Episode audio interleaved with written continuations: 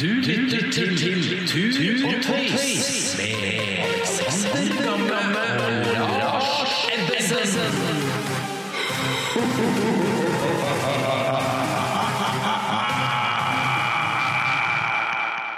Hva ville du gjort, eh, Lars, eh, hvis du skulle eh, du, synes- Hvor mye koster Kilimanjaro i dag? Via Ausland, Hvitserk, Bergans, uh, Jarle Traa, ditt og datt. sant? Det er vel mellom 40 og forskjellig 50 hva lapper. du, hva de forskjellige legger i turen, og hva du betaler for ikke betaler for noe. Ja. Uh, men det koster uh, Ikke så hvordan du gjør det mellom 30 og 40 og oppover til 50 pluss, tenker Hvor, jeg. Og eventuelt hvor du skal på safari etterpå, om du skal ha femstjerners Og med om det så er safari inkludert eh, i, eh, i det hele. Og så kommer det, er det mange ting. Det er, så, det er mange ting som spiller inn i, inn i Ja, det er ikke min telefon, altså. Nei, Nei. det er han der som hadde møterommet før oss. Så la inn telefonen. Ja, nei, men uh... Så, så når, du, når du tenker pris på Kilimanjaro, er det veldig mange eh, aspekter. Det er eh, for si, litt av et sånt system. Hvis du er en sånn 10-12-14 stykker på en Kilimanjaro-tur, så vil du da ha eh, gjerne en organisert tur, vil ha din egen guide. Vi kjører to guider i Østland f.eks., for vi er så utrolig feige. Eh, Nei, Nei vi, er- vi, vi, liker, vi liker greiene liker den sikkerheten der. Eh, så vil du ha en lokal hovedguide. Han velger ut tre hjelpeguider og én kokk, han har fire folk under seg. Det er liksom topplaget. Det lokale topplaget. Ja, det er de som bærer også, ikke sant? Det litt, ja, De bærer, hjelper deg med sekkene dine, og sånt, men de er rundt kundene og, og oss hele tiden. Ja. Så har du under de, så velger de igjen et sjikt som da er bærere og hjelpere. Ja, og da er det bror og fetter og nabo og ja, andre skylder og penger. De, så velger de igjen. Og, Ja. og tingen er hvordan det gjør at hovedguiden velger sine fire, de fire velger hver seg sine fire, og de igjen velger sine. ikke sant?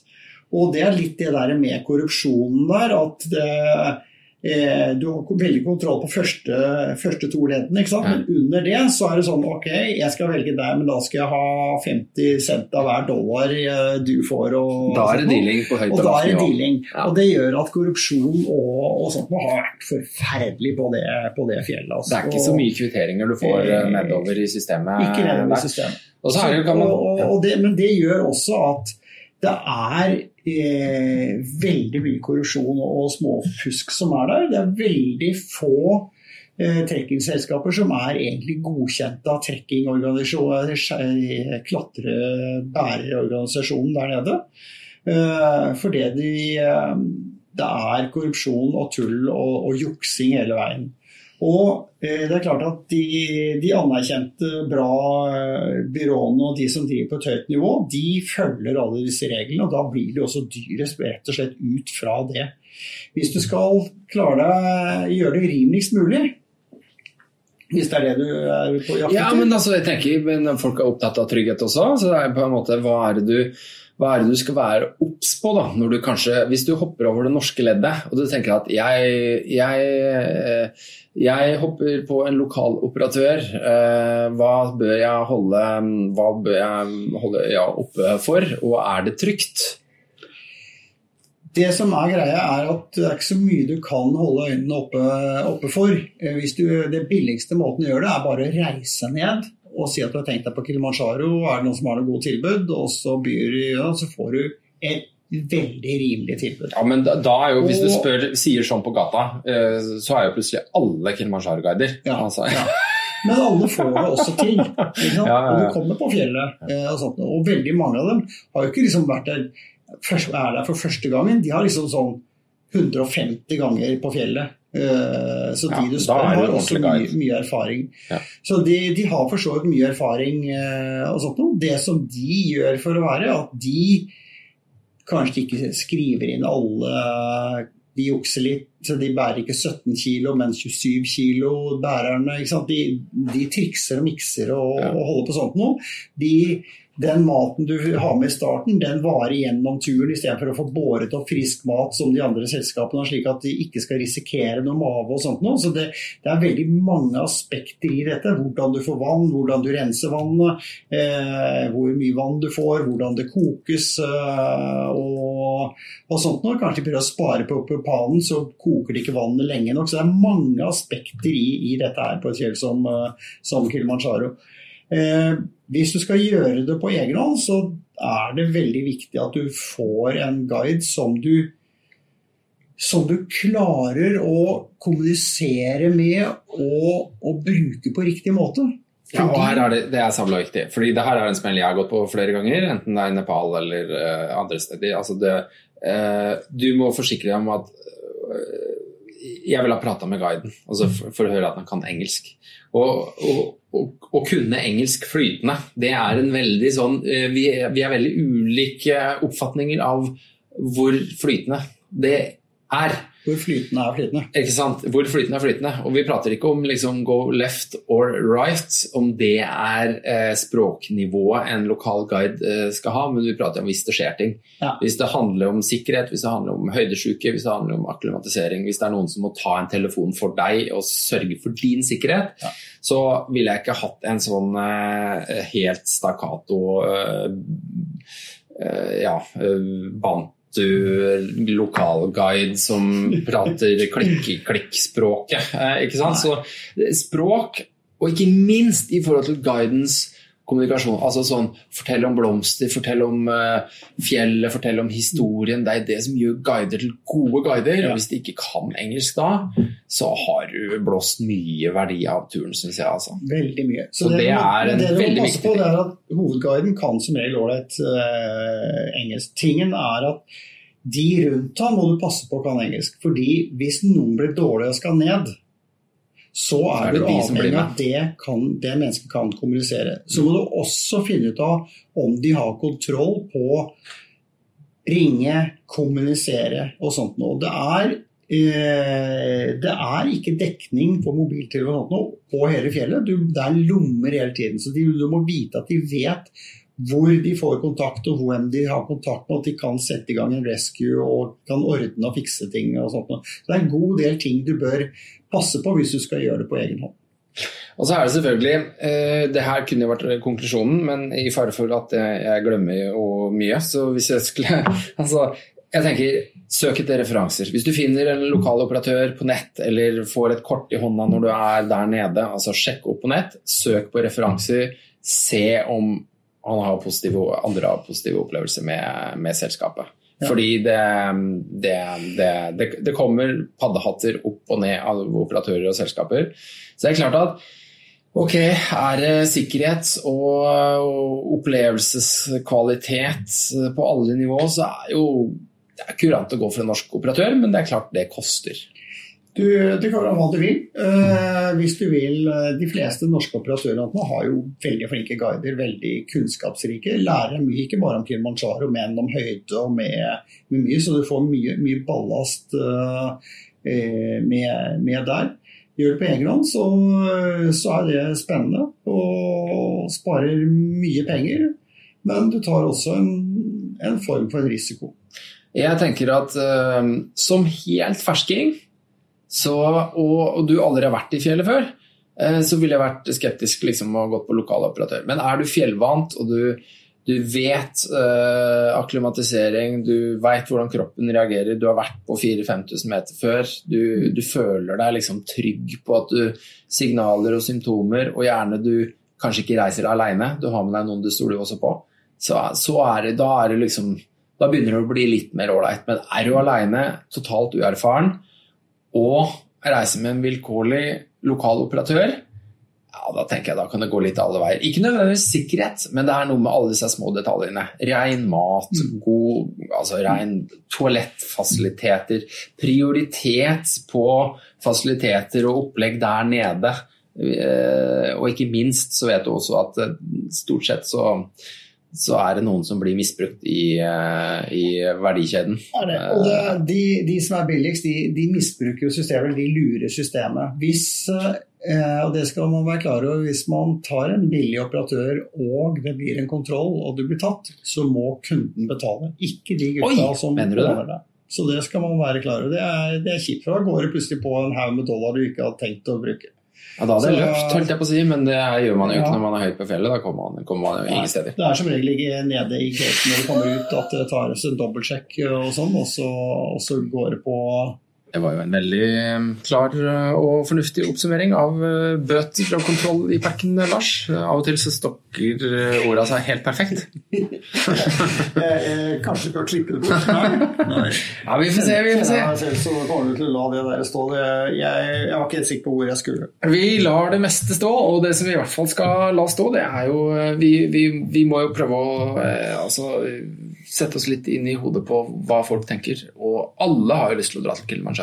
Men hvor, hvor, i, hvor i all verden god, hvor, hvor god form må jeg være i for å være med på Kilimanjaro? Det tror jeg er det mest stilte spørsmålet jeg fikk når jeg uh, guida turene.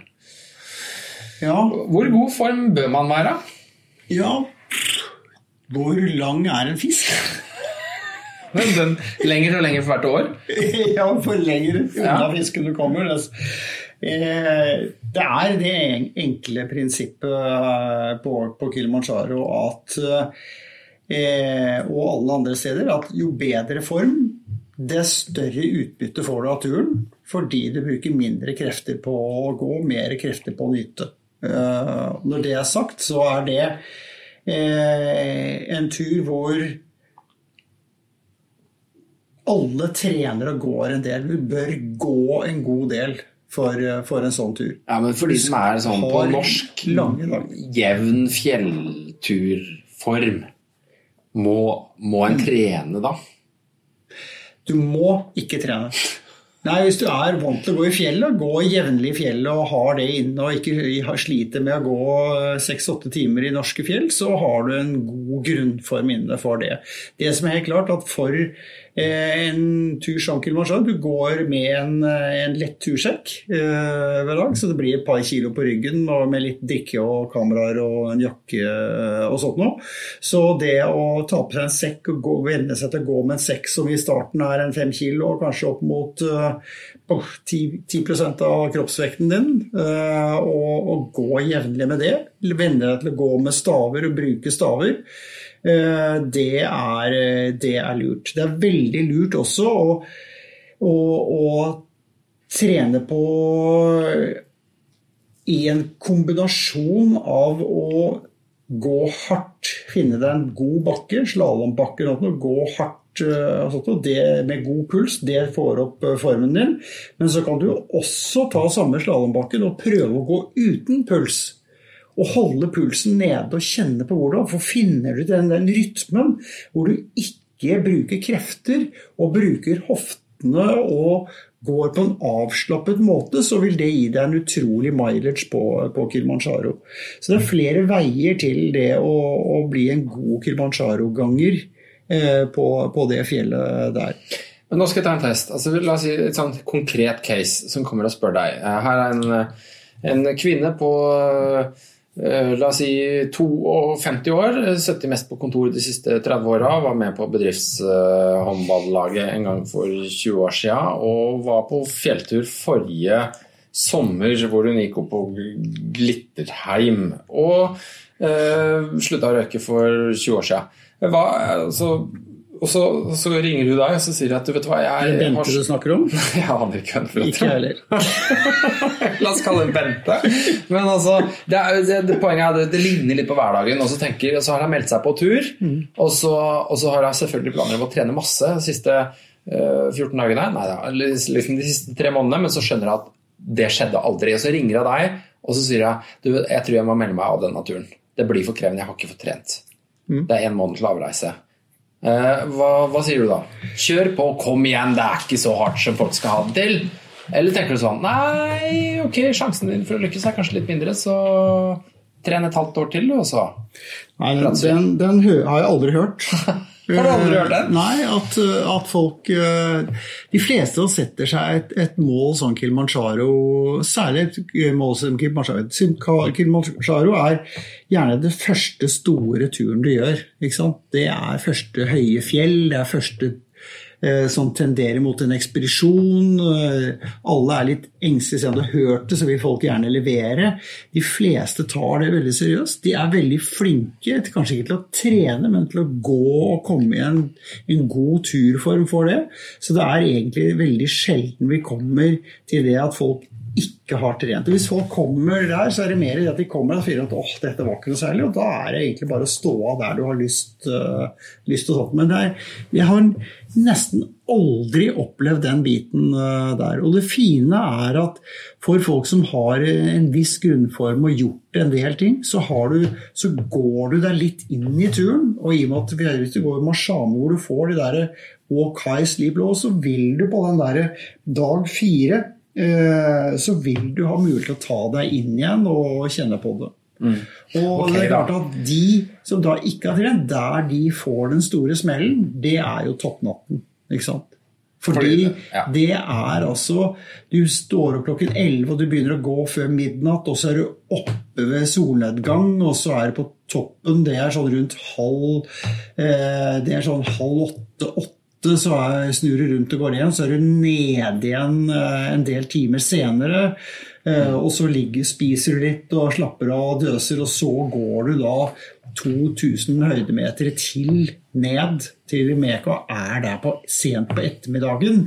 Og da, og da er du dyktig sliten hvis du ikke har trent. Da er du eh, sliten uansett. Det er sliten uansett, men, men de fleste kommer seg gjennom, for de fleste tar det såpass alvorlig. Jeg er ikke noe bekymret for det. Ok, men uh, da er det uh, Mythbuster 2 her. Altså, hva, hva, å være i god form, er ikke, det, er ikke det farlig da? Får du ikke egentlig mindre sjanse til å nå toppen hvis du er i veldig god form? Alle husker Vegard Ulvang osv. som ble sjuk og sånne ting. Ja, Hvis jeg skal kaste Nei, snakke om Vegard Ulvang, eh, da, da begynner vi å komme godt Ja, i da er i god form. eh, Men uh... Den, den kan vi godt ta som en case, for den har jeg en del synspunkter på. den Vegard Ulvang, ja, ja. Eh, For Vegard er veldig sterk og veldig sterk i høyden, egentlig, men det ble gjort et par dumme ting, tror jeg, på den turen. han, var Det- på, han var på litt løpetur. Eh, Vegard tok jo igjen den ekspedisjonen. Det er aldri noe sånn smart i høyde i utgangspunktet. Og så har jeg og så sa de at han var ikke høydesyk, han fikk en sykdom. Men, men jeg har også sett bilder hvor han hjelper sherpaer å lempe tunge sekker litt sånn kjekt over eh, et lite kruks og sånn. Så jeg mener, jeg tror han tok i altfor hardt i forhold til den akklimatiseringen. Jo, men det er jo litt standard. Hvis du er i god form, så har overskudd, så blir du jo en litt Og du ser en gjeng med slappe sauekrek som henger på slep. Ja. Så får du litt sånn forsterkende effekt av at 'Å, så god form jeg har! Se på meg! Jeg tar et par kilo ekstra.' Eller vent litt, jeg står på hodet ned i den tønna her og finner alt det du ikke orker å ikke sant? Altså, du blir jo du blir liksom Du tar Du blir så, du blir så jævla overpå fordi du er i god form. Og det er Eh, jo- og så våkner du opp neste morgen, og så har du kloa. Ja. Og det du sier her, det er akkurat det som er, er det store. Hvis vi skal snakke om Mythbuster-greiene, så er vi midt oppi det der. Altså, fordi det å være i, eh, i god form, det er en kjempefordel hvis du klarer å holde igjen. Ikke sant? Og det er jo det som jeg pleier å si når jeg holder foredrag om dette her, det er liksom hvis du tar for deg da hun som er par og 60 og ikke tror hun kommer opp, og du tar han fyren som har litt trange T-skjorter og er litt sterk og veldig godt trent og sykler Birken og alt dette her, han vil gjerne være litt galant og ta sekk ned og hjelpe folk og løpe foran og ta bilder og sånt noe. Han har ikke en sjanse i havet. Så før vi starter, står jeg gjerne med to sånne og sier at ok, her har vi to stykker. Hvem tror du kommer opp? Alle syns han. Jeg sier, Sorry. Sånn som det er, i, man kan si, er at eh, eldre klarer seg bedre enn yngre. Og menn klarer seg dårligere enn kvinner. Og det er fordi kvinner er mer avslappet. De er flinkere De er litt latere. De er, kall det latere, men de, De er flinkere til å gå hofter til å gå, de er flinkere til å gå saktere. De er flinkere til å gå, fysiologisk og anatomisk Nemlig. sett. historisk så går de med mindre bruk av eh, små skritt. De bruker ikke store muskelgrupper når de går. øh, Og, og gutta bykser oppover svære byks oppover i lia og sånt noe. Og, og det som jo er det farlige med Kilimanjaro, det er at hvis du driter deg første dagen, så får du en smell som du egentlig sitter igjen og, og setter deg tilbake for resten av turen. Så det er å klare å holde tilbake, og derfor vi sier Sistemann i camp kommer først opp, er liksom den der gode, gode regelen på dette her. Så det derre Hvis du er i god form, så har du en vanvittig forskjell hvis du klarer å holde igjen, holde igjen, holde igjen. Ja, det er rett og slett ikke noe fordel å være født med startnummer på brystet. Ta det av og gå så sakte, og hør på guidene som sier pole, pole. og og nyt eh, turen og bruk lengst mulig tid og minst mulig krefter. Og tør å hvile. Altså når du kommer fram, det er, det er en grunn til at opplegget er sånn at de lokale steller og rigger i stand. Eh, La de få lov til å holde på, det er det som er jobben deres. Det er det de får betalt for. Sett deg ned, slapp av og, og, og la det opp. Og legg best mulig forutsetninger for deg sjøl. Og det er jo, Når du var inne på det her med kvinner og menn eller alder osv. Inn i liksom Inn i det akklimatiseringsmessige så er jo ja da, ja da, jeg veit jeg skumpa litt borti her nå. Men eh, altså, etter hvert som du blir eldre, så skrumper jo hjernen. Og det er litt i forhold til den der akklimatiseringsmessige hodepinen som du får, hvor bløtvev ekspanderer under lavere trykk, eh, så er det fordel å, sånn som du sier, å være eldre, rett og slett fordi det er mer det er mer hulerom der oppe. Slaske litt rundt. Ja. En av eh, fun facts, men det er jo da fordel å være litt oppi åra. Ja. Og det ser du gang på gang. Altså, ja, det, er, det, er, det er litt sånn artig, for det, er et- det er liksom et game som er motsatt av det meste innenfor idrettsverdenen. Akkurat det At det der med å være i jævla god form, det, det, må du spille, det kortet må du spille bra. Du må spille det riktig, hvis ikke så er det din verste fiende i høyden. Og det har du sett gang på gang på gang på gang. Yep. That's correct. La meg bare ta en pause der. Et eller annet sånn der eh, superoversikt. Det slår ikke feil. Kilimanjaro er nesten alltid inne på lista. Og det er eh, Det sier jo altså Det er ikke bare nordmenn som liker Kilimanjaro, det er hele verden. Og så er det hele pakka, selvfølgelig. Det er ikke bare fjellet. Det er jo Afrika. Det er eh, et eventyr. Det er enormt mye. Kilimanjaro er eh, Og det er ikke minst safari. Det er flott, det er vakkert når du står der, du ser det på flyet når du flyr inn. Eh, Hemingway gjorde sitt for å få det med i bøkene sine 'Snøen på Kilimanjaro'. Har lest den? Eh, nei. Nei, det er møkka, spør meg. Uh, Det er en eller annen fyr som ligger litt sånn dårlig nede i buskene, og så snur han seg sånn i feber, så ser han snøen på Kilimanjaro. Jeg, mener, det var bare, jeg, jeg skulle jo klort meg, jeg trodde han skulle klore seg litt fast oppi der, men det var jo bare eh, buskhistorie. Uh, Det var en del Hemingway-folk som kommer, kommer til å klage, til.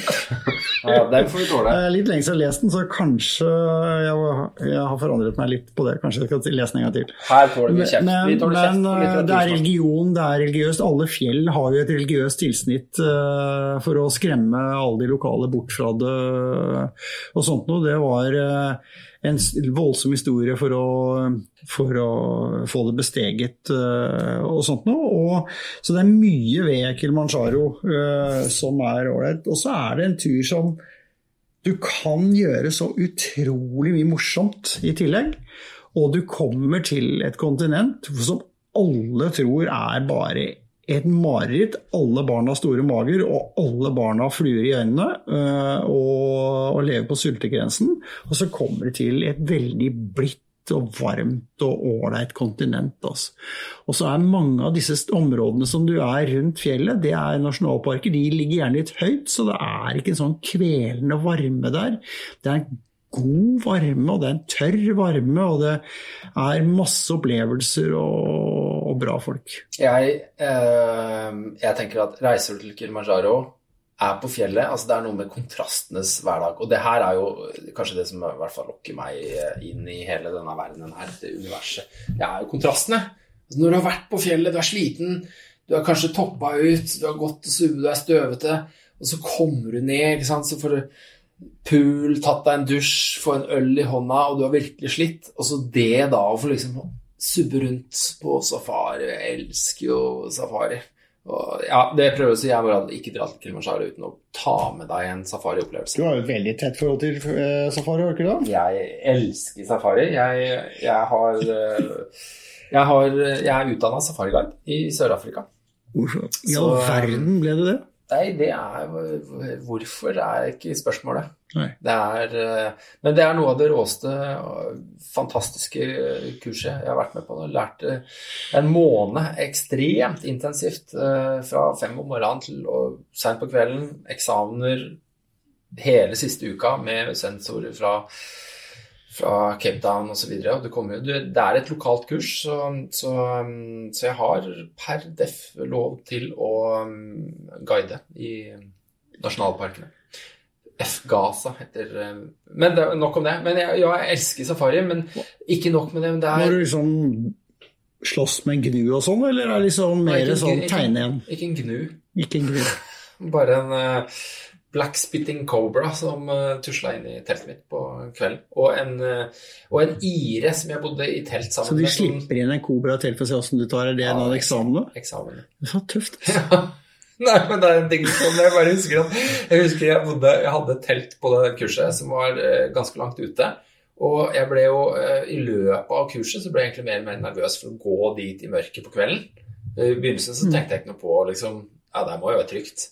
Eh, Men etter hvert så så jeg ikke sant, du så, ser hyeneøyne og sånne ting. Men når du lyser med lykten, så ja. ser du Du ser deg. Og jeg ble mer og mer nervøs. Og så husker jeg jeg hadde en teltkompis som eh, var en ire.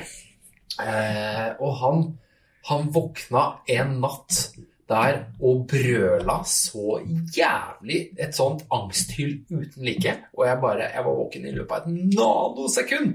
Og jeg var sikker på at nå var det liksom eh, slange eller dyr eller et eller annet bitt av et eller annet. Han vræla, og jeg bare satt der.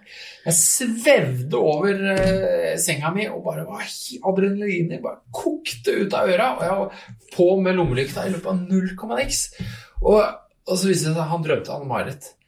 Så han, eh, Ti sekunder seinere hadde han jo da snudd seg over og bare lå og purka igjen, mens jeg hadde ikke nubbsjanse til å sove mer den natta. Jeg var helt elektrifisert, fordi det er jo det var ganske mye som det var spaserte rundt teltet. Det er mye mer. Jeg, Jeg første gang jeg hadde sånn teltnatt ute, ute der, så husker jeg akkurat sånn der Stille og rolig.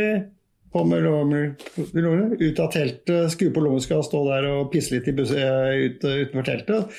Og så skal jeg til og skrur jeg på det, og så ser jeg Og så er det to og to øyne hele veien rundt! Det var bare Shit! Jeg husker jeg hadde lagt igjen camelbacken min rundt uh, bålet eller i leiren der vi bodde, og den fant jeg igjen i sånn 162 biter dagen etterpå, fordi da var den tygdestykker av hyenene. Så det er bare, De spiser jo alt som er, og de lurker jo rett bak liksom teltet ditt, så står de jo. Men de er ikke så farlige. Men ok, nok om det. Jeg bare tenker, Når du er på Kilimanjaro, du har bare spekka med safariparker i området. Det er jo Veldig verdens- fine. noe av det Selvfølgelig aller, aller mest kjente er jo Serengeti, men spar gjerne Serengeti til en gang du har god tid, Ja. fordi det er enormt. Det er jo vel den største Det er parken. største. Det er største. Gigantisk og fantastisk med løver og fantastisk savanne, hvor du ser kilometervis og du har Men jeg har aldri vært på Serengeti i kombinasjon med Kilimanjaro. Da har, du, da har jeg dratt i litt annet. Det har jeg faktisk. Det, men det der å kjøre Serengeti, hvor du bare får For det får du ikke de andre, hvor du bare kjører og får denne enorme følelsen av, av storhet. Og så kjører og kjører, ikke og plutselig er det litt dyr. Så kjører, så plutselig er det én sånn fyr som går med spyd på, som bare går der i feil retning. Og så, og så kjører og kjører, kjører. Hvor kom han fra? Hvor skal han? Ikke sant? Du får det der, og det var så deilig med, med Serengeti at det ble liksom så stort. da. De andre parkene er mye, føles mye, mye mindre. Ja, det er eh, fy søren, det er så balsam for Det er ikke balsam, det er uh, thaimassasje og uh, aloe vera-olje og det er alt mulig forskjellig, syns jeg. da. Men det er noe med det. altså det når jeg, Etter jeg hadde vært på det eh, kurset, eh, så er det mye kulere å være på noe safari fordi du, du kan mer. Du ser litt mer bak teppet.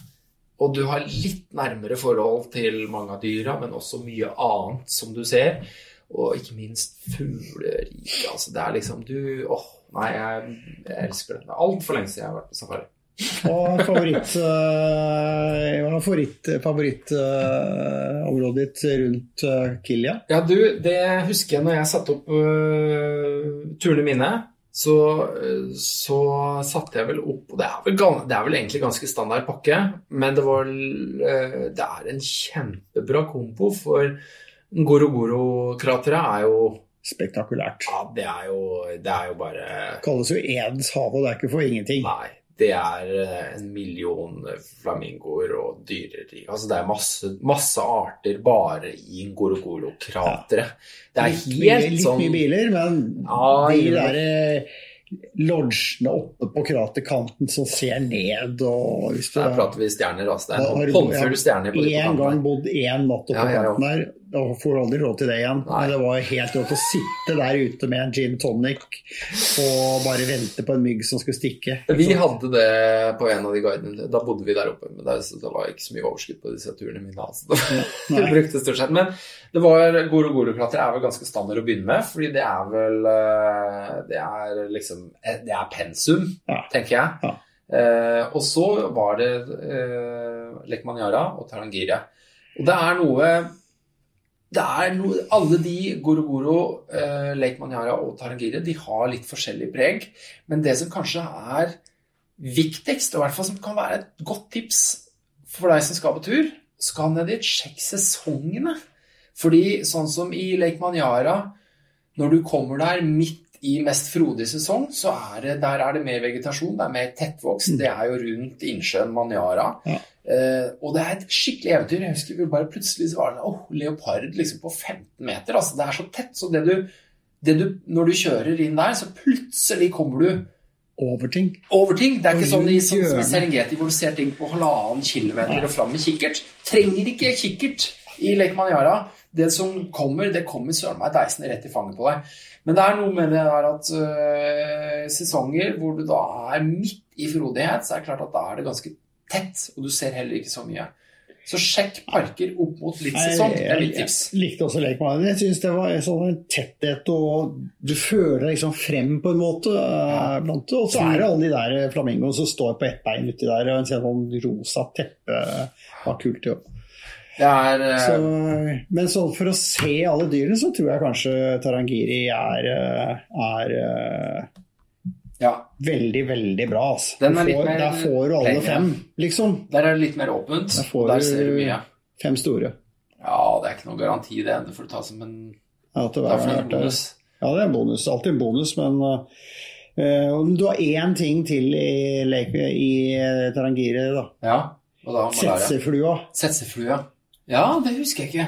Jo, det er, Kanskje i perioder, i perioder det er som Donald Duck faller om. ikke sant? Kle- eh, Stukket av en så bare faller han om, og så sover han. ikke sant? Den er der, ikke sant. Og den biter jo, det er jævla, jævla dritt. altså Hvis du kommer i feil sesong der, så får du et par sånne Du sovner jo ikke av det. Men jeg er veldig god til For jeg, jeg syns jo ikke sånn Jeg er jo ikke så veldig glad i å kjøre rundt og, og se på dyr som ikke skjønner at jeg sitter i en bil. Eh, Ok, så Du er ikke så safari-fan? Nei, ikke- på den, ikke sånn altså, Du vil helst spise det, du. sånn, jeg må alltid ut på en morgen, da. Jeg liker morgenene best med soloppgang og det lyset og sånt noe. Og så, er jeg ganske mett på det. Men det jeg liker, det er jo hvis du kan få en walking safari og gå. Jeg er veldig glad i å ta skrittet fra bil og ut i matfatet og gå i matfatet. Uh, gjort det en del ganger oppe i, i eh, Masai Mara uh, med masaiene. Og gå med disse her gutta i sånn uh, rød TV-forklær uh, og, og spyd. Uh, og passe på deg og lete etter løver og, og sånt noe med vinden. Og det er utrolig spennende. Ja, altså. det er en helt annen Ja. Men det er, det er veldig kult å være med gode safariguider og gå i også i nasjonalparkene, altså i Ja. safariområdene. Og gå, da går du gjerne etter eh, neshorn og en del ting. Så er det noen ting du definitivt skygger unna. Ja. Men da er det jo tettere på. Men jeg, jeg, hang også, jeg har vært med masaiene litt på tur. og og vi slo i hjel litt tid med Hadde en litt sånn uformell spydkastkonkurranse. Eh, Etter det så har jeg ikke vært med masaiene på tur. Traff du en? Nei, jeg traff ikke, men de traff i hvert fall ingenting. Så jeg tenkte sånn der, ok, du har ett speed, det bør du, det bør du bruke. Nei, du traff Du, vi prøvde Nei, ikke Nei, du kasta ikke så langt eller bra. Nei, ok, men da satser vi på at det ikke kommer noen løver i natt heller. Nei da, de var utrolig artige, men, men, men de er ikke krigere lenger. Altså, eller de hadde vært krigere, de er gjetere, men Men de, de, de kan det, det er liksom bare Det er liksom Tarzan som kaster spyd og dreper løver. Eh, eh, spydene deres er jo for at de skal stå i bakken. Ja. Eh, Det var det de sa også. Og sånn. Og så det er litt, litt annen måte og sånt noe. Du er, du er en romantiker, du. ja. Det er rart du aldri ble gift ordentlig, liksom. Ja, jeg deg nå. Ja. Ja, ja, ja. Nei, men jeg, kanskje jeg drar Kanskje jeg drar Kanskje skal prøve å si- for Cecilie en gang til med i sånn leopardunderbukse og et spyd og, og litt sånn skrik. Jeg har, jeg har Afrika er jo mitt kontinent. Det er jo der jeg har reist mest. Og jeg, jeg, har, jeg har lyst til å reise ned og bosette meg. Jeg har lyst til å ta med ungene mine. frisyre det er egentlig en bleka lokal frisyre. Ja, ja, ja. Det, jeg bonder så bra med disse afrikanerne på de fleste hold. Og så er det Jeg elsker den råskapen, hvis du skjønner. Vi lever i den derre bomullsinnpakka sykkelhjelmhelvete her oppe i, i nord. Altså det er liksom Alt er regulert, og alt er Og så kommer du ned til herlig Afrika, hvor du må rett og slett bare ta ansvar for alt det du gjør. Alt er lov. Du kan eh, stå på huet oppe på trucken og kjøre. altså Det er ingen som gaper eller sier noen ting. Så skjer det jo selvfølgelig mye, men det er så, det er så brutalt. Men så inni den der eh, tøffe hverdagen til mange afrikanere så ligger det en sånn livskraft Og velvilje. Og velvilje og latskap. altså fordi De møter jo aldri opp, de har ikke klokke, og det er jo noe med den afrikanske sjela. Men det er noe inni der som er ikke sant, når de begynner å danse, og de kan smile i de mest Har du hatt sånn- håpløse situasjoner. Og bra sånn hoppegreie med Mosaier. Ja, jeg har jo videosnutt på det der. Hvor høyt kom du? Nei, jeg jeg tror jeg ble relativt banka. Ja, relativt. De De skrek av latter og kastet meg i floden. Eh, Ja, det gjorde. Jeg hoppet så dårlig. Ja. Eh, Så det var det.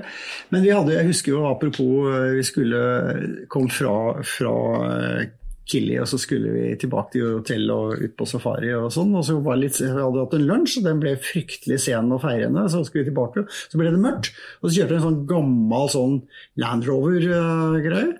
Og så ble det mørkt. Og det ble jo blir jo veldig mørkt, for det er jo ikke noe sånn sol, mørkt sol, solnedgang. er ikke sånn jeg skal ut Ja. og ta bilder. Altså, sånn, jeg tror snart det er så Det var solnedgang, ikke sant? Det er sånn, pop, så er den over. Så det ble jo veldig mørkt, og vi sitter der i den bilen, og den har jo ikke noe lys. Det er bare klink mørkt, og vi bare, han kjører bare i 260 langt disse her grusveiene, ikke sant? Og vi bare ser sånn Var ikke det en syklist? Var ikke det en okse? Var det bare sånn Og bare peiser på. Og de jeg hadde med meg, de var bare «Eh, Dette er jo livsfarlig. Vi ser jo ingenting. Har han ikke lys? Nei, han har ikke satt på noe. Da spør han, ja. Eh, så Unnskyld, eh, vi lurer på om du kan sette på noe lys på her. Eh, lys? Har du? Yes, yes, no problem, no problem, sier han. ikke sant? Ok, han har lys. ikke sant? Så hva gjør han? ikke sant? Mens han kjører, så blir den ene hånden, så tar han kupélyset, og så flasher han med kupélyset, og så kjører han videre, og så flasher han innimellom med kupélyset. Det var lyset. Og de som satt på, de bare da hørte jeg dunk, dunk, dunk, som besvimte. Det var bare helt utrolig. Jo, men han sparer jo altså, det, det, er, det jo standard. De sparer på lyset. De bruker ikke lys hvis de ikke må. Altså, de bruker ikke lys med mindre du treffer harde ting. Myke ting. Et Ja. eller annet. Jeg vet ikke. Men eh, uansett, altså. Afrika er et eventyr. Det kan vi oppsummere med. Ja. Eh, få med safari. Og så du har jo et valg til, som ofte står på lista. Ja, det er mange valg til. Eh, Zanzibar. Zanzibar, helt klart. Der har jeg aldri vært. Nei, men det, det, dit kan man dra. Skal vi runde av med din anbefaling av Zanzibar? Hva liksom, hva, hva, hva er det for noe? Det er, det, det, er en helt merkelig øy, egentlig, for den er litt sånn halvarabisk, halvafrikansk, alt mulig. Det var jo en slaveøy og, og, alt mulig. Masse rar og spennende historikk. Nydelig gammel Stonetown uh, og sånt noe. Og, særlig oppe i nord, uh, nordvester i hjørnet, fantastiske strender med surfing og dykking og vannsport og sånt. Et ordentlig herlig sted å dra etter etter en uh, fjell og en safari og få med seg, få med seg det. Altså, der er det deilig mat, nydelig sjømat. Du kan få fantastiske hoteller, du kan få backpack-hoteller for hele rangen uh, der. Og Eh, hvis du ikke vil bruke penger på å fly ut, så går en veldig utmerket hurtigbåt frem og tilbake fra Dar el Salam og ut. og sånt. Så det er lett, lett adkomst og, og det hele absolutt verdt, uh, verdt en tur. Vi uh, er inne da i vår double up med Kilimanjaro, og, og vi, kunne, vi, prater jo helle min som tida går. Uh, vi skal snart takke for oss. Det eneste jeg har lyst til at vi skal prøve å huske på Har vi noen sponsorer? Nei, ikke noe heller. Eh, jo, det var det der vitamininnsprøytning flygamin, tror jeg. Vil jeg gjerne Eh, ja, Am Amarone eller Malarone? Malarone er eh, helt sikkert. Malariamedisinen mal sponset av Malariamedisinen Malarone. Ja, skal vi si noe om malaria, eller? Ja, det burde vi jo eh, for så vidt uh, si. Hva bør Nå hvis du skal på Kilimanjaro? Det er oppskrytt. Det er oppskrytt. Med hva? Er det? Med, ja. Men én ting er at du er, du er rast over 1500 meter. Altså Det som er greia, er at uh, lytt til legenes råd. Det er det viktigste. Lytt til legenes råd. Og, så, eh, og de sier at du skal begynne, avhengig av hvilken medisin du tar, skal du begynne en dag før eller litt før, og så skal du ta det en uke eller så eh, etterpå. Eh, og eh, malaria er ikke noe kult å få. Du har det for resten av livet. Det bryter ut nå og da og, og sånt så det er ikke noe det er ikke noe kul greie å få. Mange dør av det eh, lokalt, så det er en alvorlig greie eh, fins ikke i de fleste storbyer og, og sånt noe. Fins ikke opp i høyden. Og det er det som er greia med Kilimanjaro, at en, en del eh, Skal vi si har vi hørt? Ja, vi har, vi har, hørt, la oss ikke nevne navn, Nei, vi har hørt. Vi har hørt, Uten at vi kan gå god for dette, har vi hørt at eh, en del dropper det før, før Kilimanjaro, fordi du da veldig raskt Du er inne i Arusha som da har veldig liten sannsynlighet for, eh, for malaria, og så er du raskt oppe på gaten så vel fort det er på 1500-1800 meter, og så er du oppe på 2500 uh, meter uh, før du får sukk fra deg, liksom. Og der er det ikke Da har malariamyggen begynt å bli headshuk? Da har den gitt opp. Så, så... Uh, og, og, malaria er en, malariamedisin er en tøff, eh, tøff, medisin som du kjenner i kroppen. Og det er ikke sikkert kroppen ønsker det ved siden av høyde.